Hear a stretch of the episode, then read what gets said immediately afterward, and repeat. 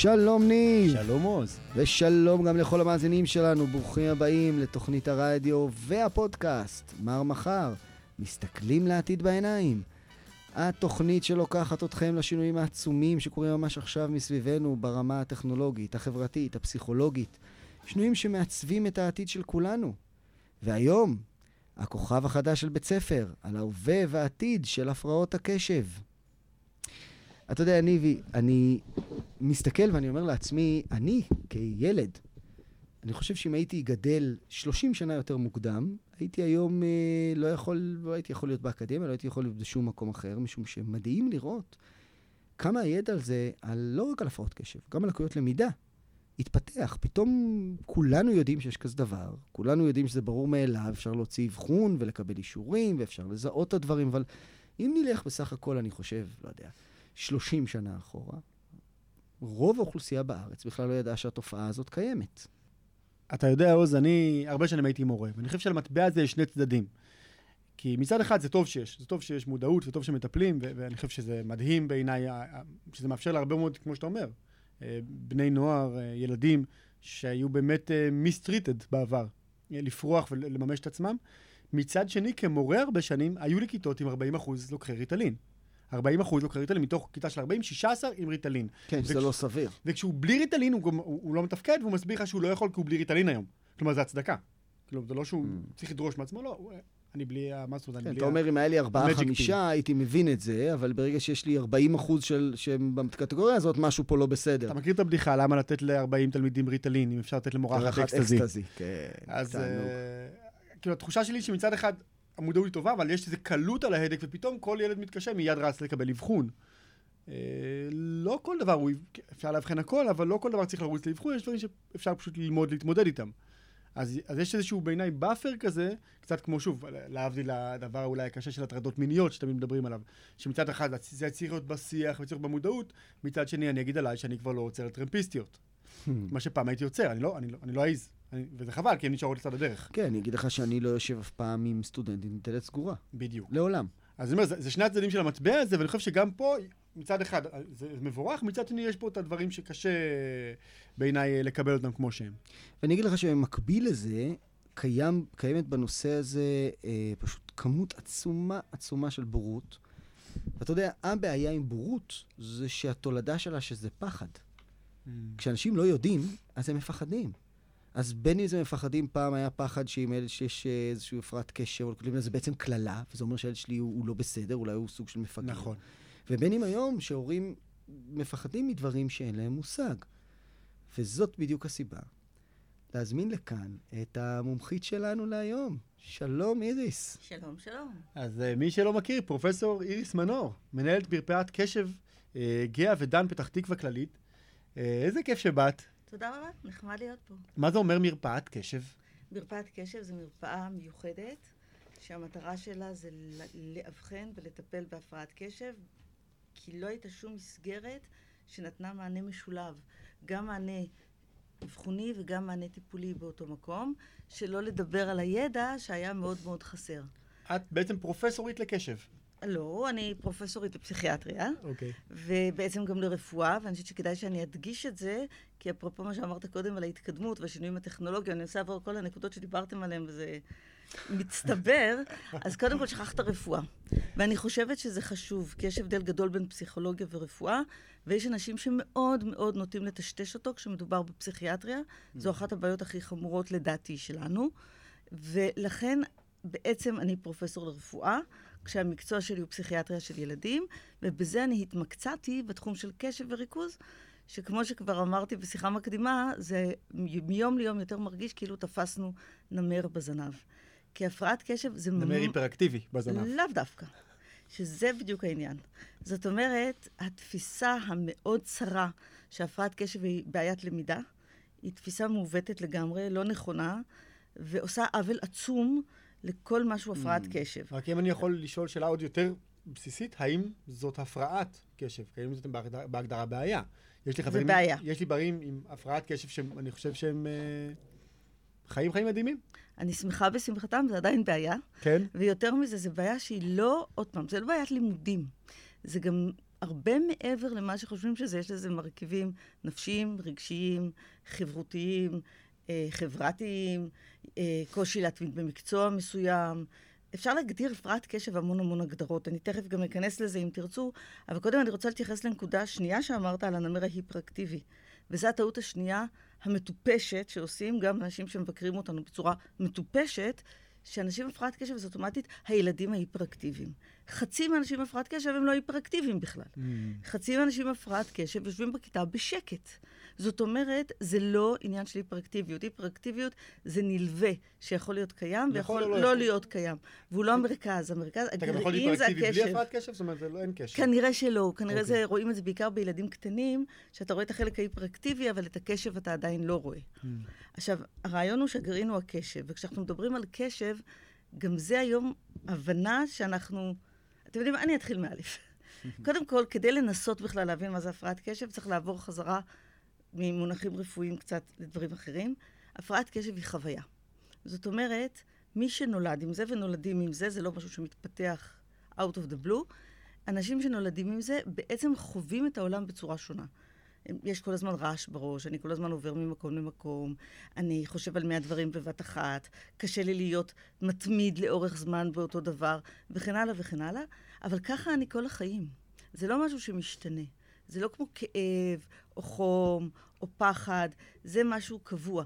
ואני לא יכולה לצאת מהראש שלי, להיכנס לראש שלך, ולהגיד אם אצלי זה ככה ואצלך זה אחרת, אז משהו אצלי לא בסדר. Mm. יותר מזה, קשב הוא דבר שקוף. אם אני שואלת אתכם עכשיו מה הקשב שלכם, אין לכם מושג. מקסימום, אתם יודעים, עייפים, לא עייפים, מרוכזים, משעממת, לא משעממת וכולי. אבל אתם לא יודעים מה הקשב, ואתם גם לא יודעים מה הקשב אחד של השני. זאת אומרת, אי אפשר לחוש את זה. כלומר, אי אפשר לראות את זה חיצונית, אי אפשר להרגיש את זה. הפנים, בתנועה וכן הלאה. קשה מאוד מאוד, ובגלל שקשה מאוד מאוד, אנשים עם הפרעת קשב הם מאוד מאוד פגיעים גם לאבחון לא נכון, כי הבעיה היא לא העודף אבחון, שזה גם, גם קיים. אבל מעבר לזה יש בעיה של פשוט אבחון לא נכון, ואני אחר כך אתן גם כמה דוגמאות, וגם בטיפול הם מאוד מאוד פגיעים, כי קל מאוד לשכנע אותם שדבר מסוים הוא יתאים להם, או לא יתאים להם, כי יש מה שנקרא אפקט פלצבו, ואתה לא מרגיש את ההבדל, mm. רק התוצאות מרגישות את ההבדל. יש דרך פיזית כלשהי באמת לראות במוח, בהדמיה מוחית, כן. למי יש הפרעת קשב ולמי לא? יש דרכים, זה עדיין מחקרי, אין עדיין משהו שאנחנו יכולים להגיד, אוקיי, על סמך זה, אנחנו רואים את זה בבירור, כן. במוח, אבל אנחנו כבר יודעים הרבה מאוד... אין עדיין תצלום רנטגן לקשב. יש הרבה מאוד, יש פונקשיונל MRI, יש משהו שנקרא בולד, שזה הדם המחומצן, אה, איך, כמה, איזה דם מחומצן איפה, וזה אומר איפה יש, באיזה אזורים יש פעילות. יש הרבה מאוד דרכים שאנחנו מודדים את זה, זה נורא נורא משמעותי. אנחנו יודעים היום הרבה יותר ממה שידעתי קודם, וזה רק יביא אותי לעוד נקודה לפני שאני הולכת הלאה. באחד הגלגולים הבאים אנחנו מניחים שבכלל לא יקראו להפרעת קשב הפרעת קשב. כי זה לא השם הנכון, כי השם הנכון הוא קשב, ליקויים ותפקודים ניהוליים. אגב, את תיקנת אותי בשיחה המקדימה. שלא להגיד הפרעת קשב וריכוז. נכון, כי ריכוז זה פשוט תרגום לא נכון מאנגלית. השם באנגלית, כי האמריקאים אנשים פשוטים, אומרים את כל מה שיש בתוך השם, attention deficit and hyperactivity disorder, ADHD.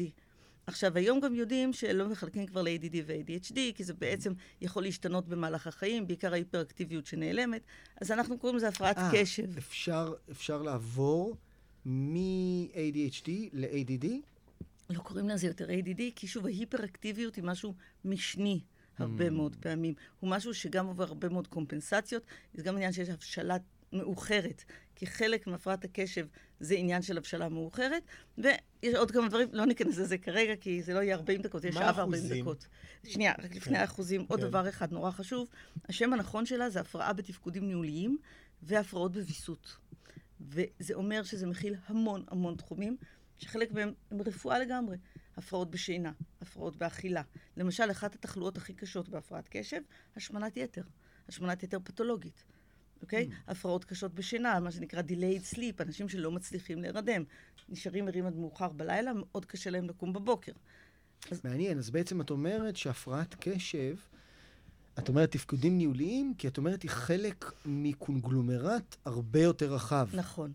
ואני אומר, אגיד את זה אחרת, יש הרבה מאוד תפקודים ניהוליים, מה שפרויד, מה שפרויד הגדיר בזמנו כמנגנוני האגו, בעצם, בעצם, הרי הוא היה נוירולוג, הוא בעצם מה שהוא דיבר עליו בשפה שלנו זה תפקודים ניהוליים. זה המנגנונים שבאמצעותם המוח שלנו מיישם את היכולות ואת הרצונות שלנו.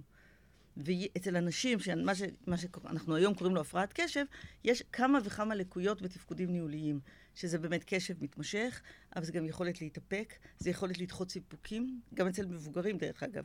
מבוגרים הפרעת קשב הרבה פעמים מרוויחים פחות, כי הם ייקחו את המיידי, כי הם לא יכולים לחכות mm. לטווח הארוך. זה working memory, זיכרון עבודה, זיכרון של פרטים טפלים. אני זוכרת דברים שקרו מזמן, בסיפורים, בתמונות, אבל לא זוכרת שם. אני לא זוכרת... למה הגעתי לסלון? לוח כן, מה רציתי בעצם? למה באתי לפה? כאילו... story of my life. story of many people life. כן. אבל הרעיון הוא שזה בעצם תפקוד ניהולי שנקרא working memory. אין דבר יותר משעשע מלעמוד באמצע הסלון של עצמך ולא להבין למה אתה עומד שם. נכון, בעיקר כשזה מישהו אחר. זאת אומרת, הפרעת קשב זה הדבר הכי מצחיק בעולם. כל עוד זה לא אתה. כשזה אתה, זה מבאס. זה מבייש, זה משפיל, זה מביך, זה לא נעים, זה לא, לא לשים לב לפרטים קטנים, זה לעשות טעויות של חוסר תשומת לב, זה שהבוס מעיר לך כל פעם. אתה מתחיל פה, כל פעם כמו הבטחה גדולה, ואז אתה מאכזב. אתה מרגיש שאתה כל הזמן מאכזב את עצמך. יש המון חוויות שליליות שמקושרות לזה. עכשיו, אני נורא מתנגדת, נורא קשה לי עם ההזניה שעושים לזה מצד אחד, אבל עוד יותר עם ה... אה, זה שום דבר, זה תכונה, זה נורמלי, יש הרבה סוגים של נורמליות. אלה אנשים שסובלים, אלה אנשים mm. שמבחינתם עוברים דבר מאוד מאוד קשה. זה בעיה שאפשר לטפל בה. כלומר, זה לא שאם נשים את הילד ככה. במסגרת אחרת, אז הוא יתפקד יותר טוב. לא, כי אומרת? זה בפנים, זה לא בחוץ. Mm. דרך אגב, דוגמה מהסגר. היו הרבה הורים שאמרו לי לאורך שנים שאם הילד היה לומד דרך מחשב, כל הבעיות היו נפתרות. הגיע הסגר, התחילו לימודים דרך בבית, מחשב. ופתאום הם מבינים. לא רק, התחילו לימודים דרך מחשב, נחשו מה יותר קשה. לימודים מקוונים, ילדים אומרים שהם לא, 95 אחוז, לא כולם, 95 אחוז מהילדים אומרים שהם לא מצליחים ללמוד. תקשיבי, עם הסטודנטים שלי, זה מכה. ברור. מכה. אני, אני אומר לך, הם אומרים לי, הזום זה הסיוט של החיים שלי. אני שומע את הזום הזה בהקלטה 4-5 פעמים ולא מצליח לסכם. אז אצל אנשים הפרעת קשב על אחת כמה וכמה.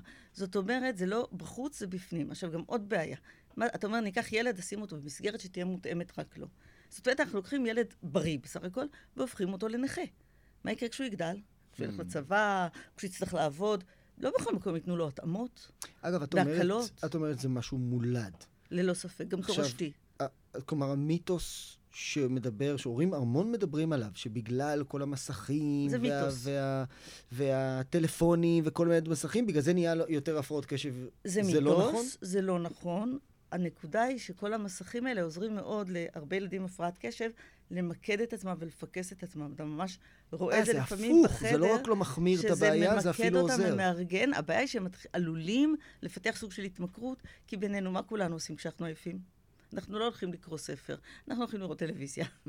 או לשחק במחשב. וזה איזושהי דרך, כן, באיזושהי עייפות מנטלית קבועה, אנשים עם הפרעת קשב, כי mm. נדרש מהם המון כוח. כוח מנטלי, אני מתכוונת, כדי להתרכז. אני רוצה להיות פה מדויק, כי אני חושב שלהורים שמקשיבים לנו, הנקודה הזאת היא קריטית. אז אני שואל אותך מאוד מדויק, האם יש מחקר שמראה שאין קשר, שאין קורלציה בין זמן חשיפה למסכים לבין אה, אחוז הפרעות קשב וריכוז. ככל הידוע לי, אין כזה מחקר.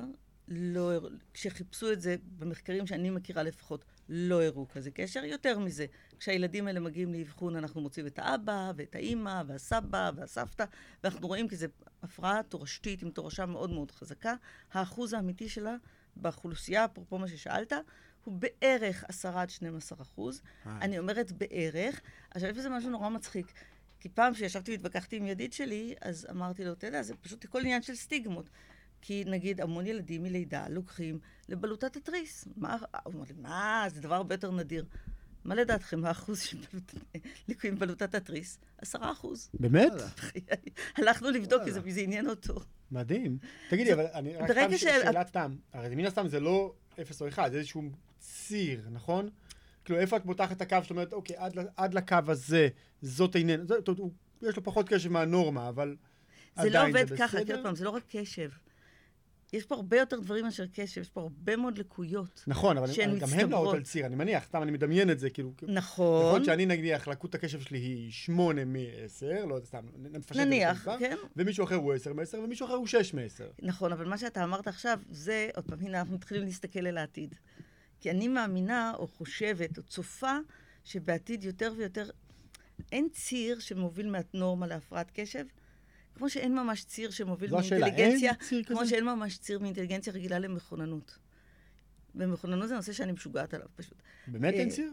זה? לא עובד ככה. זה לא 130, ש- 140 או 120. מה- נכון. אבל זה לא אם יש לך 139, 141, זה לא מה שקובע אם אתה מחונן או לא. מכוננים חושבים 120. אחרת. לא, יש פה משהו שהוא אחר. זאת אומרת, יש איזה כאילו קפיצה, כאילו אתה הולך על איזשהו ציר באמת, ואז איזה קפיצה, משהו איכותית משתנה. Hmm. והבעיה שאת המשהו האיכותי הזה, אנחנו מנסים לכמת, לתת לו משהו כמותי. וזה הבעיה האמיתית, כי היכולת שלנו לאבחן כרגע נשענת באמת בעיקר על דברים כמותיים, על מספר קריטריונים. אוקיי? עכשיו, רק כדי עוד דבר להגיד בעניין הזה, אמרת משהו נורא יפה ונורא נכון, שזה אחד הדברים על העתיד. יש, מה, הקריטריונים הולכים על הסימפטומים, אבל יש לקויות, שהן נמדדות בכלל בצורה אחרת. חלק אנחנו יודעים, חלק פחות יודעים למדוד, ויש חלק של ויסות, שאותו אנחנו בכלל לא כל כך יודעים עדיין למדוד. מתחילים לפתח. מה זה אומר חלק של ויסות? רק שנבין. יכול להיות ויסות של שינה, ויסות של תיאבון, ויסות של מצבי רוח, ויסות של תחושות, הרבה מאוד ויסותים, ויסות של דופק. יש להם הרבה פעמים דופק לא יציב, לאנשים הפרעת משהו קשב. במפקדה של המוח, במשהו הזה שעומד למעלה ושולט על המערכות, יש בו ליקוי. זהו, שזה לא עובד בדיוק ככה. המוח עובד כמו אינטרנט, במובן הזה שיש הרבה רשתות שפועלות זו עם זו. ובעצם יש רשת מסוימת, שגם היא עם עצמה וגם היא עם רשתות אחרות, עובדת בצורה חלשה מדי. זאת אומרת, זה לא רק מלמעלה, זה לא רק טופ דאון, זה לא אלא מה, מהקורטקס, יותר סליחה נכון על המילים להגיד היותר האיזון מקצועיות. בין המערכות באינטרנט זה לא הזה? רק... כן, כן. כי יש למשל באזורים של נקרא סליחה על השפה המקצועית, הגרעינים הבזליים, האזורים היותר עמוקים של המוח, אתה רואה שגם שם יש הרבה מאוד שינויים, אוקיי? מדברים הרבה על ה-caudate nucleus, אחד הגרעינים הבזליים, מדברים הרבה על ההיפותלמוס, מדברים הרבה על האינסולה, מדברים הרבה על הצרבלום, המוחון, כי הוא קשור גם ל... אה, שיווי משקל ולמוטוריקה עדינה, לכן גם לפעמים כתב יד הוא של ילדים עם הפרעת קשב הוא מאוד uh, גדול ולא מסודר, אוקיי? אבל זה, אין פה נקודה אחת, יש פה רשתות.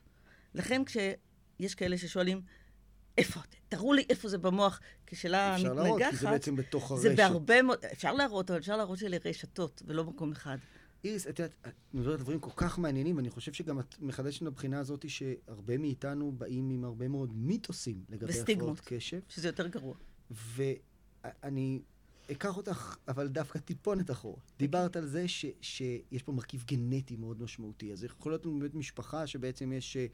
אה, לא יודע, אימא או אבא עם הפרעת קשב וכמה ילדים ילד- אנשים עם הפרעות קשב נוטים להתקבץ ביחד. כן. עכשיו, יש גם עוד משהו, זה סתם אה, משעשע, אבל נעשה באמת מחקר כזה. אנשים עם הפרעת קשב גם נוטים להתחתן זה עם זה. כי הם... יש משהו בהפרעת קשב של. אפס או אחד, לא. אנשים... אולי יותר נוח להם עם מישהו שהוא דומה להם. בדיוק, או דומה להם או משלים אותם. כי יש את הילדים, כמו שאמרנו, ההיפראקטיביים, יש הילדים המאוד שקטים. יש אלה שבלאגניסטים, יש אלה שהם בסדר יתר. נורא נורא מסודרים ומשלימים זה את זה. עכשיו, אם תשימו לב, בילדים גם רואים את זה, שכשיש באותה כיתה כמה ילדים הפרעת קשב, הם בדרך כלל מתיידדים. ומנסים Mm. להפריד ביניהם, והם מתחברים חזרה. והם כל הזמן רבים, והם מתחברים חזרה. אותו דבר קורה אצל מבוגרים. הם גם כלומר, מתגרשים הרבה. בעבר, אם בעבר וואי. היינו אומרים שלא לחינם הלך הזרזיר אצל העורב קיבלנו, זאת אומרת, הנחנו שהם פשוט ילדים בעייתיים, כמו שקראו לזה פעם, היום את אומרת, יש לזה איזשהו בסיס של צורך נוירולוגי וממש לא, רגשי בקרבה הבנה אחד הדדית, לשני. יש איזו הבנה הדדית, גם יש כן. יכולת אה, סובלנות הדדית. עכשיו, אני אגיד עוד משהו, אני אבל חושבת... גם יותר גירושים, את אומרת. גם יותר גירושים, גם רבים הרבה, המון. כי אחד הדברים, עוד פעם, המצחיקים, כשזה לא קורה אצלך, זה שמדברים על הסימפטומים, אתה רואה שהסימפטומים כאילו סותרים זה את זה. למשל, אחד הסימפטומים זה דברנות יתר, שהוא מדבר ומדבר ולא מפסיק, וסימפטום אחר זה שהוא לא מסוגל להקשיב ליותר משלוש מילים. דווקא זה אוקיי. בא ביחד. זה לא. ואז האימא אומרת, הוא אף פעם לא מקשיב לי, והילד אומר, כל הזמן היא חופרת לי בראש. ואחרי עשר שניות הם מתחלפים. זאת אומרת, זה לא בדיוק, זה משהו שיוצר המון קלאשים קטנים בתוך מערכות יחסים. ולכן מסביב להפרעת קשב מהר מאוד מתחילות להיווצר בעיות ברמה של הסביבה. עכשיו, לא מפני שהסביבה יוצרת את הפרעת הקשב, אלא מפני שהסביבה גורמת ללחץ, וגורמת להרבה מאוד מועקות. בחיכוך. בחיכוכים, והרבה פעמים דברים שהם ילדים בעיקר קטנים שלא יודעים אפילו להביע את זה. אבל מצד אחד, את אומרת, את, אני חושב, אם אני מבין אותך נכון, את אומרת לו, מצד אחד זאת הפרעה שהיא באמת מייצרת חוויה סובייקטיבית של סבל אה, כן. מתמיד. מצוקה. ומצוקה. מצד שני, אם אה, הבנתי מדברייך, את נגד לתת הקלות ונגד לטפל בו בצורה קוסמטית. בצורה קוסמטית ודאי אני חושבת שזה לא נכון. אני כן חושבת שהיה צריך לתת התאמות, לא הקלות. זה גם שם הרבה יותר מתאים בעיניי. מה זה התאמות? כמו מה? אין התאמות כל כך טובות, זאת האמת. ההתאמות שנותנים היום הן התאמות כלליות, שגרתיות. אז מה כן אפשר לעשות? למשל, דבר שהיה יכול להיות התאמה, שבכלל קפצנו עכשיו נושא, זה שלמשל אה, בדף, שהשורות יהיו רווחים גדולים ביותר ביניהם. Mm. שורות צפופות לאנשים עם שישב הפרעת בחדר שקט קשב, ואטום. לא, דווקא עם מוזיקה. כן. אנשים עם מוזיקה יותר אטום. מרוכזים כן, הרבה אני הרבה יותר פעמים. מרוכז, כן, עם מוזיקה. הרבה לא יותר. רק אתה. אני ואני פחות. אני תשים לי מוזיקה, זה הורס לי את כל הלמידה. אני- לך, אתה כאילו, זה הכי עוזר לך עוזר- זה בעולם. עוזר לי בעולם. אז מחקר שבמקרה הייתי שותפה זוטרה יחסית בו, אנחנו הראינו שילדים עם הפרעת קשב מתרכזים יותר טוב עם מוזיקה, וגם פקטורים פיזיים שלהם, זאת אומרת, כל מיני מאפיינים גופניים שלהם, התארגנו יותר טוב תחת מוזיקה. Hmm. זאת אומרת, כנראה לא לכולם זה גם אותה מוזיקה. כלומר, אבל המוזיקה ממש גרמה להם לזה שהמערכות, אם תרצי, הרשת הזאת תהיה קצת מסוים. יותר מאוזנת. נכון. וזה התבטא גם מרתק. בדופק, לא רק ב... זה התבטא גם בדופק, לא רק ב... ב- ב- ב- אה, בקשב. עצמו. ולכן אני רואה מביא למה פה אני אוהב משהו את ליאונרד פיזי. כהן? הוא מייצב לי את הדופק. כן, ליאונרד כהן מייצב נכון? לכולם את הדופק. לא, אני יכול אני- לשים אה, פלייליסט ממש, ואני מרוכז, ואני עובד, ואני כותב, ואני... מדהים. איריס, את מדברת על זה שמוזיקה יכולה אולי לעזור לילד, כן. את מדברת על שורות יותר רחבות. מה עוד?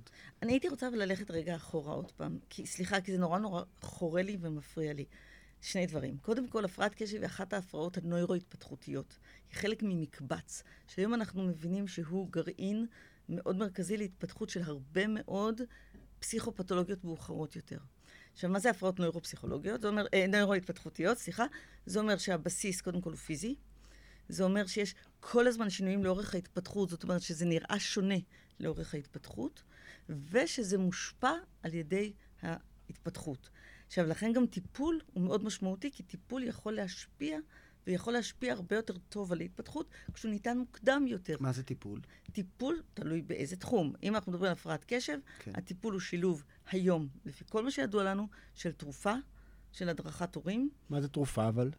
תרופה יש? אני לא כל כך רוצה להיכנס לשמות של תרופות, אני לא, לא אבל מה הסוג? רוצה התרופות העיקריות זה תרופות שנקראות סטימולנטים או ממריצות, הן התרופות העיקריות.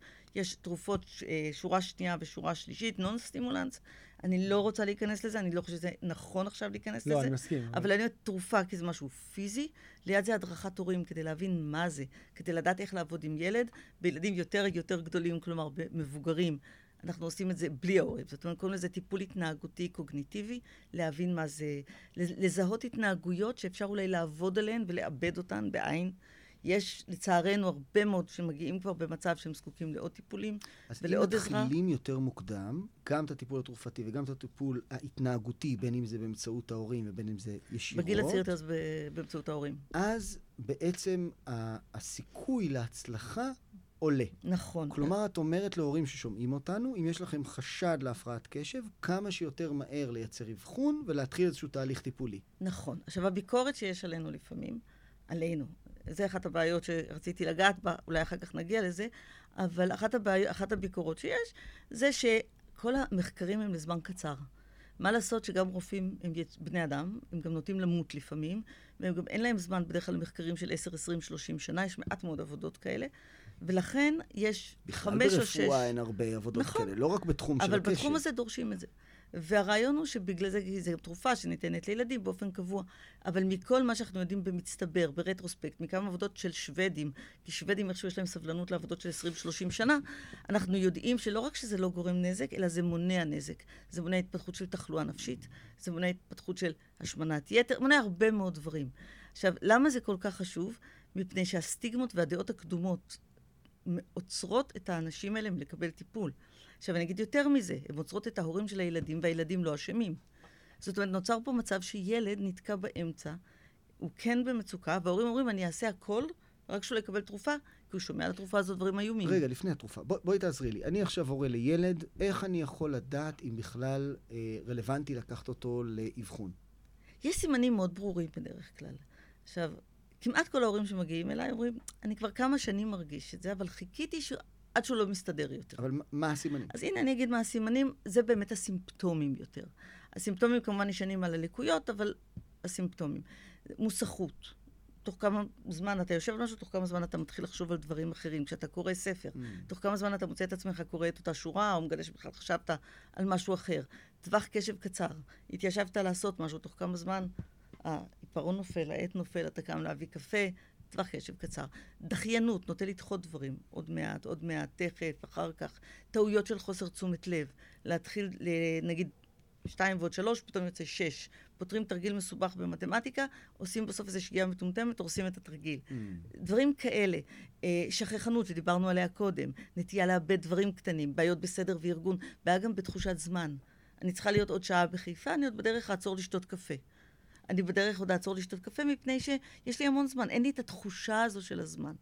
בצד ההיפראקטיבי זה תנועתיות, זה דברנות יתר, זה החלק האימפולסיבי של התפרצות לדברי אחרים וקושי לדחות סיפוקים, והמציקנות. אני עדיין לפני הטיפול. אני לא אה, בטיפול, דיברתי על סימנים. ש... כן, כן, חשבתי ש... כן, אני לוקח אותנו שלב קדימה, אבל עדיין לא לטיפול.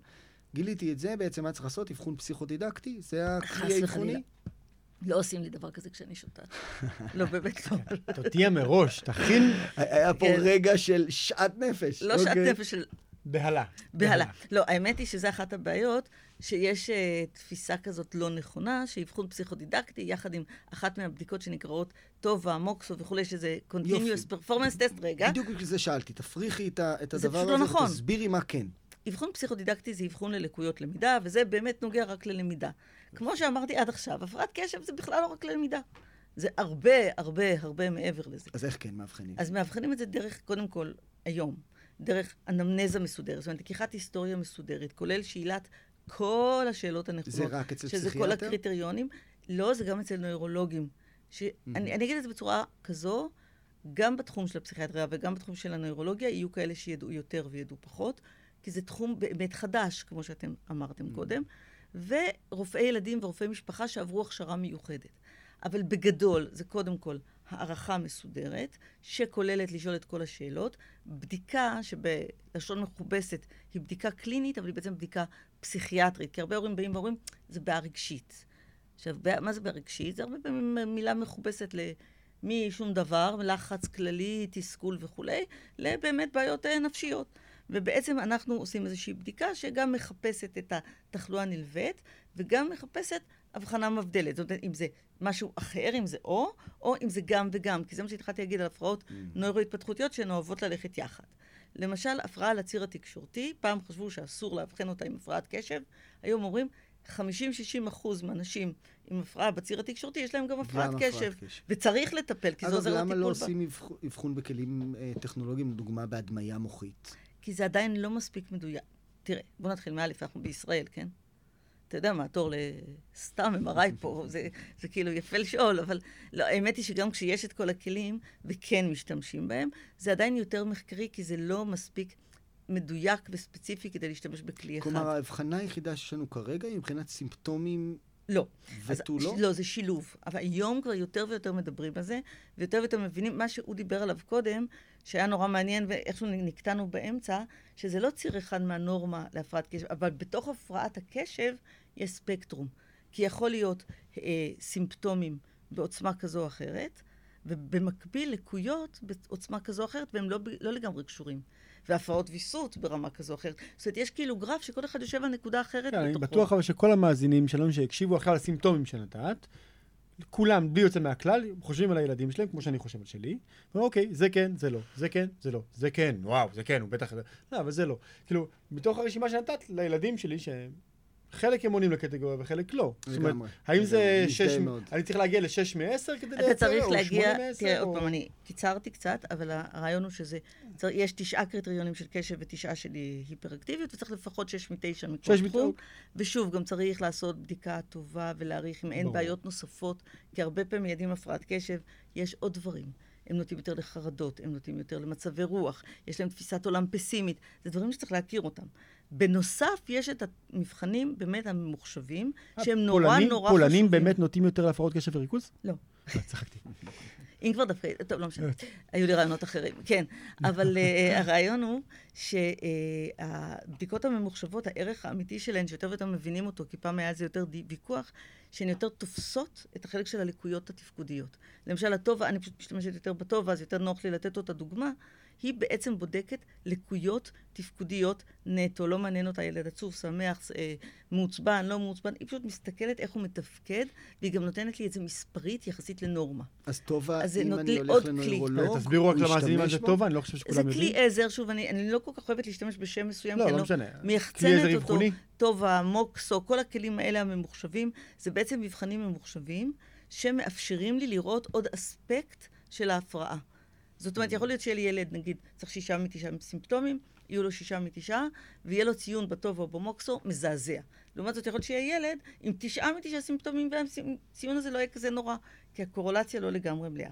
ואסור גם לשכוח, כשבודקים, לשאול על שאלות של ויסות, לשאול על שינה, לשאול על תיאבון, לשאול על מצבי רוח. כי זה חלק, ההורים נורא מופתעים. אגב, לא הטיפול שזה התרופתי. יעזור גם לתיאבון ולשינה? לתיאבון לא, לשינה לפעמים, מה שאנחנו הרבה פעמים עושים לשינה, פשוט נותנים מלטונין. כי המלטונין מופרש, מלטונין זה חומר טבעי שהמוח שלנו כן. מפריש כדי להירדם, ואצל אנשים עם הפרעת קשב יש נטייה ל-delayed sleep. זאת אומרת, פשוט המלטונין מופרש שלוש שעות מאוחר יותר, כי כמו שכל דבר אחר לא יציב אצלם, גם זה לא יציב אצלם. וזה ממש מפריע להם לתפקד. כלומר, יש קשר בין אה, בעצם ילדים או נערים או מבוגרים שהולכים לישון מאוד מאוד מאוחר ורוצים לקום מאוד מאוד מאוחר, הם לא רוצים, הם נאלצים. לבין הפרעות קשב. יש uh, נטיית יתר, כן. מכיוון ששוב, מה שקורה זה שזה אחד הדברים שאנחנו רואים הרבה בהפרעת קשב. אז אוקיי? הרבה אני- מעבר לשגרה. אז שוב אני חוזר למה ש- ש- שחשבתי קודם, בסוף את מדברת על הבחנה שהיא מאוד מורכבת. וכאילו, האם יכול להיות שאני אלך נניח לרופא אחד, נוירולוג, מומחה, והוא יגיד לי, כן, הפרעת קשב, ואני אלך אחרי זה לנוירולוג אחר, או, או כמובן לפסיכיאטר אחר, והוא יגיד לי, שמע, אני חושב שזה לא הפרעת קשב. תראה, אתה, צ- קודם כל ברפואה, בכל תחום ברפואה, תמיד יש הבחנה. יש הרבה, יש כמה דעות. אבל אני אגיד יותר מזה, אני חושבת שהבחנה צריכה להיות מבוססת. זאת אומרת, אתה צריך לראות על סמך מה ביססו את ההבחנה, ויש כלים מאוד מאוד מוגדרים. כמו שיש היום גם את הכלים הממוחשבים, כמו שמתחילים להיווצר יותר ויותר כלים. חלק מהמחקרים שאני עוסקת או רוצה לעסוק בהם, זה הכלים האלה, איך לפתח אותם, איך לשפר אותם. או, אז קחי אותנו רגע לעתיד. את אה, חוקרת בתחום, אה, מכירה התפתחויות שאת אה, אחראית עליהן, שקולגות שלך בעולם אחראים עליהן. קחי אותי עכשיו 10-15 שנה קדימה, Hmm. איזה דברים נמצאים לנו בקנה בתחום הזה, גם ברמה האבחונית, גם ברמה הטיפולית? אני, אתה יודע, אני שונאת להתנבא, אבל נדמה לי, נראה לי, ברמה האבחונית זה די ברור שהתפתחו יותר ויותר כלי אבחון בכל התחומים, בעיקר איפה שנורא חסר לנו. גילינו, דרך אגב, כשבעבר בדקנו איזשהו גאדג'ט שהוא יכול לעזור אולי לקשב בכיתה, שחסרים לנו כלים לבדוק אותו. אז יותר ויותר צריכים להתפתח כלים, גם למדוד את הלקויות, או להעריך נכון את הלקויות, וגם להעריך נכון אה, הפרעות בוויסות.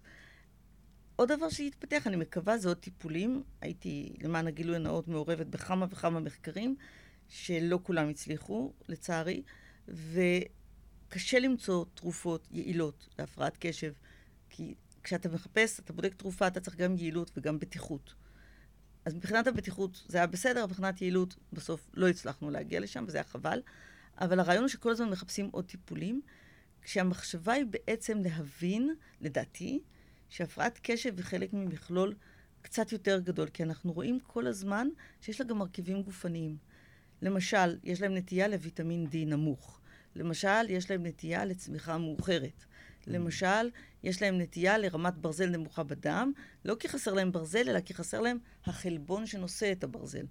ואני יכולה להמשיך ולתת דוגמאות, יש להם דופק, כמו שאמרתי קודם, לא לגמרי סדיר. זאת אומרת, יש חוסר יציבות בדופק עצמו. יש פה משהו שהוא מעבר, בטח מעבר לקושי בלימודים, אבל יש משהו שהוא לא רק פסיכיאטריה. גם למבוגר, יש- אגב, הטיפול. יסייע? כן.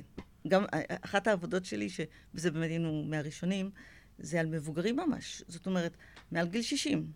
עכשיו, יש בזה משהו אירוני, נכון? כי היום מעל גיל 60, אנשים עובדים, אנשים מתפקדים, אנשים בחיים, פעם פחדו לתת להם טיפול. עכשיו, אדם רוצה להמשיך לחיות ולתפקד, אלה לא אנשים שזהו, כבר שולחים אותם למרעה. הם אנשים שעדיין אה, איתנו. כן. אז, אז בעצם זו הייתה העבודה הראשונה, או אחת הראשונות, היום יש יותר עבודות כאלה, ומסתבר שיש אותן בעיות למבוגרים, אנחנו קוראים elderlies, שהם באמת, אה, הבעיות הן גם אותם סימפטומים, גם אותם אחוזים, וגם מה שמעניין מאוד, שגם פחות או יותר אותו טיפול, כי גם שם יש מצוקה. רק שם המצוקה היא שפתאום אין להם מה לעשות עם עצמם. כי אנשים עם הפרעת קשב, למשל, הרבה פעמים מטפלים בעצמם, קוראים לזה self-medication, או עם כל מיני חומרים, או גם קפה זה חומר, לצורך אה, העניין. אוקיי. גם סיגריות זה חומר, מתחילים לעשן מאוד מוקדם הרבה פעמים. כי זה ממריצים, הם מחפשים כל הזמן את ההמרצה, או דרך זה שהם וורקוהולים. הם כל הזמן Mm. עסוקים הם ב- בנוסעים לחופש, עם פלאפון ביד אחת, עם הפקס כבר אין פקס ביד השנייה, הם כל הזמן עושים משהו. ואז פתאום כשהוא לא עושה משהו, הוא- הוא, הוא. בבעיה. הוא אבוד, הוא משועמם. המשפחה שלו אבודה. גם, נכון. דרך אגב, זה נכון, הרבה פעמים אשתו שולחת אותו. כי היא סובלת ממנו. דרך אגב, התלונה העיקרית של ילדים זה לא שרע להם, זה שמשעמם להם. אני מבין את זה. כן. תגידי, יש סיכוי שאנחנו עוד חמש, עשר שנים, אדם, ילד כזה, נגיד ילד קטן, אה, ייכנס, יעשו לו איזשהו סוג של MRI, ופשוט יגידו, יש לך הפרעת קשב? זאת אומרת, שנגיע לאיזושהי תובנה של מה מכלול התמונות ומה מייצר. אני, קשה לי להגיד... אם אתה מנסה להגיד נכון, אתה שואל האם הכלים האבחוניים של הדמיה מוחית יוכלו לתת לנו תשובות הרבה יותר מדויקות ממה. שיש לנו היום. א'. אני מקווה מאוד שכן. ב', אני מקווה שיהיו עוד כלים, לא כל הכלים של הדמיה המוחית, דרך אגב, יש כלים מצוינים שמתחילים להתפתח, שהם לאו דווקא הדמיה המוחית. זאת אומרת, יש איזשהו מכלול, והרעיון הוא לא כלי אחד. כל מה זאת. אומרת לא שהדמיה מוחית כמו מה? חוץ מהמחשב והדמיה מוחית והסימפטומים, יש עוד משהו? יש כל מיני דברים, שוב, חלק מהם עכשיו בתהליך פיתוח, פחות רוצה לדבר עליהם. יש בעצם דם. אפילו את הבדיקה שלה, לא, את הבדיקה הזאת של רמת חמצן בדם. Mm. זה לא אה, הדמיה המוחית לו שאתם התכוונתם אליה, אלא זה איזושהי הסתכלות אחרת. כלומר, יש אפילו mapping, ממצאים brain בדם- mapping, אוקיי. בסדר ממצאים. בדם עוד אין, אבל brain mapping, כל מיני דברים שאנחנו... עכשיו, אבל מה המחשבה? המחשבה היא לא שיהיה כלי אחד, להפך, אלא שתהיה אינטגרציה של כלים, כדי שאנחנו נדע למקם את האדם איפה הוא בתוך ההבחנה הזאת. אתה מבין? כי זאת לא. הבחנה אחת, אלא זה איזשהו שדה שאתה צריך למקם אותו בתוך השדה. עכשיו, עוד דבר אחד שנורא חשוב לי להגיד, אפרופו 40 אחוז שאתה דיברת עליו, יש גם המון המון מיסדיאגנוזיס. יש את הילדות השקטות. זה בעיקר ילדות יותר מילדים, שבדרך כלל בחטיבה... יש אגב הבדל- הבדל בין ילדים לילדים? כן. סטטיסטית? פי שניים בערך יותר בנים. בנים. פעם אוקיי. חשבו שהרבה יותר, כי בנים הרבה יותר היפראקטיביים, וגם בנים הם מוחצנים. כשהם סובלים כולם מרגישים. לעומת בנות שהן מפנימות. ואז מה שקורה זה שאף אחד לא שם לב, בעיקר אם הילדה מוציאה ציונים טובים, כי כולם מסתכלים רק על ציונים, ואז היא מגיעה לחטיבה ומתחיל להיות לה קשה, ואז אומרים, אה, זה כי יש לה יותר מדי חברים, כי עסוקה עם דברים אחרים, ובסוף היא מגיעה לפסיכולוג בגלל דיכאון, חרדה, חתכה את עצמה וכיוצא באלה, שלא לדבר על גוף שלם של אבחנות, שנקרא פרסונליטי דיזורדר, זה הפרעות אישיות, שאני חושבת שחלקים מאוד מכובדים מהם היום מבינים שזה בעצם שום אישיות ושום נעליים, זה פשוט, למשל, אני אקח דוגמה לא מהפרעת קשב, יש אה, אה, הבחנה הרי של הפרעת אישיות שנקראת סכיזואידית, או אבוידנט, או סכיזוטיפלית. ככל הנראה, רוב האנשים האלה הם פשוט הפרעה על הציר התקשורתי. רק מה, פעם לא ידעו לאבחן את זה. למעשה במבוגרים התחילו לאבחן את זה אולי עשר שנים. זה מעניין, כי מה שאת אומרת לדוגמה מתאים לבורדרליין וכן הלאה, אבל, אבל את יודעת, בגלל שהזמן שלנו קצר, ואנחנו עוד מעט רגע הולכים אה, ולי יש אה, משהו חשוב לסיים. להגיד או. זהו, רציתי לשאול אותך, למה יש פחד כל כך כל כך גדול באוכלוסייה? זה לא היה המשהו החשוב. מהטיפולים התרופתיים של קשב, אה, של הפרעות קשב. תראה, יש לזה כמה סיבות, אבל אני כן רוצה אחר כך להוסיף עוד משהו בכל זאת. אה, יש כמה סיבות. קודם כל, לכל הורה קשה לתת לילד שלו תרופה, ועוד תרופה כרונית. יש בזה משהו מפחיד. עד שהסטיגמה יורדת לגמרי, כמו למשל עם בלוטת התריס, שהיום נותנים בכלל לא חושבים על זה. אבל, אבל הפחד הראשוני קיים. עכשיו, על זה מתיישבים כל הסטיגמות וכל השטויות, וזה עניין של חינוך, וזה עניין של פסיכולוגיה, ושוב, הפרעת קשב שקופה. קל מאוד להפיל עליה דברים אחרים, ועל זה מתיישבות כל הנשמות הטובות, שלא יפה להגיד, אבל גם מרוויחות מזה. כי ה... איפה שאתה פותח, אתה רואה, אמא, אל תסממי את הילד, אמא, אל תהפכי את הילד לרובוט, ומציעים הרבה מאוד טיפולים, ואנשים מגיעים אחרי שהוציאו הרבה מאוד כסף, ללא הרבה מאוד יעילות. אז אני שוב, אני לא רוצה לפגוע באף אחד, אבל יש פה איזושהי בעיה של סטיגמה שגם מנציחה את עצמה. יש גם אנשי מקצוע שנורא קשה להם, זה גם הייתה, איך אני אגיד את זה? אנחנו בתוך איזושהי מהפכה. כלומר, כל הרעיון הזה שלמשל אני אומרת לכם ככה בקלילות, שהפרעות אישיות הן הרבה פחות ממה שעשו מהן, יש פסיכולוגים שהיו עכשיו שוחטים אותי בשמחה. כי זה... פסיכולוגים זאת הפרעת? אישיות שהיו שוחטים אותך בשמחה. גם בלי הפרעת אישיות, פסיכולוגים לא צריכים שזה הפרעת... אבל הרעיון הוא שבאמת, באמת, יש, יש פה איזשהו שינוי תפיסתי שפסיכיאטריה זה רפואה. כי התחילו יותר ויותר לתפוס פסיכיאטריה כפסיכולוגיה משודרגת, וזה לא נכון. כן, כאילו היא רפואה. פסיכולוגים כדורים. וזו פשוט תפיסה לא נכונה. עכשיו, מה רציתי כן אני להגיד, וזה חשוב לי, כי אנחנו מעולה, בעונה שאנחנו יופי. נמצאים, זה שיש עבודה שעשינו יחד עם קופת חולים לאומית, ועשינו עבודה של לבדוק קשר בין הידבקות בקורונה להפרעת קשב, ומה שמצאנו עם הנתונים של לאומית, עם לא מעט, זאת אומרת, זה היה 1,400 איש, שזה מספר מכובד מספיק, שיש נטיית יתר להידבקות אצל אנשים עם הפרעת קשב, ושכשהם לוקחים טיפול תרופתי, הם פחות נדבקים. הם חוזרים לנורמה. וחשוב לי, אני חשוב לי נורא להגיד את זה, ואני יודעת שאני אחטוף על זה ביקורת, וכבר חטפתי על זה ביקורת, למה שתחטפי על זה ביקורת? כי יש אנשים שלא אוהבים לשמוע את התחומים האלה, כמו שאתה יודע. אבל הרעיון כן, הוא... אבל בסוף צריך להגיד שמדע הוא מדע.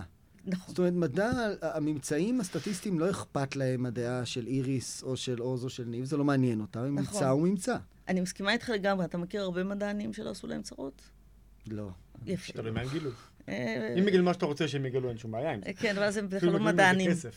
מדענים בדרך כלל הבעיה היא שהם מגלים מה שיש שם. כן. וזאת הבעיה. אבל זה חשוב, כי בעיקר... ואיך היא מסבירה את זה? זה ממש מעניין. יש הסבר אחד שהוא מובן מאליו, שהוא הכי פשוט.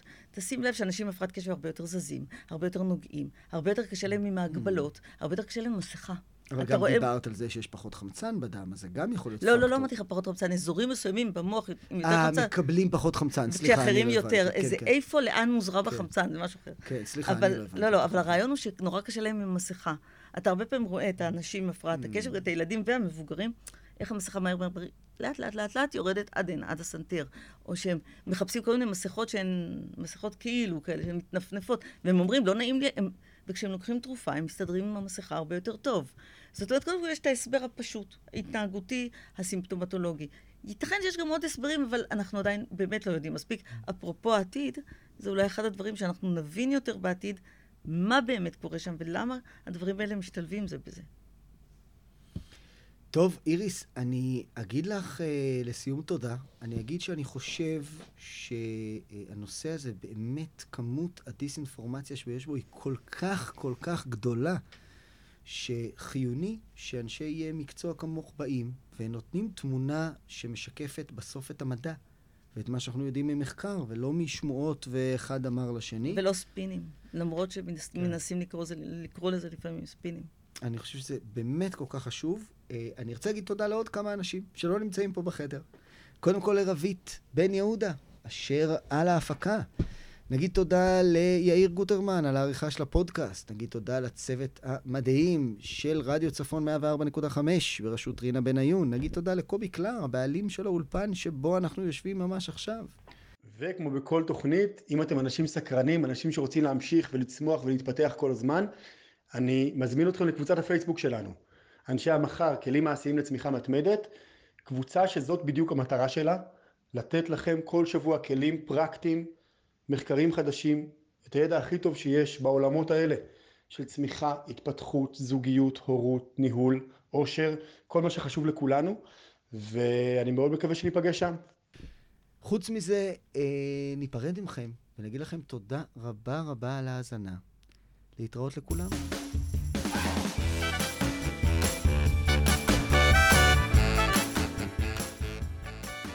תודה שהאזנתם. אם אהבתם את הפרק, נשמח שתסייעו לנו בכך שתקדישו עוד דקה כדי לשתף חברים. זו דרך נהדרת גם לעזור לפודקאסט וגם לעשות משהו טוב בשביל החברים שלכם.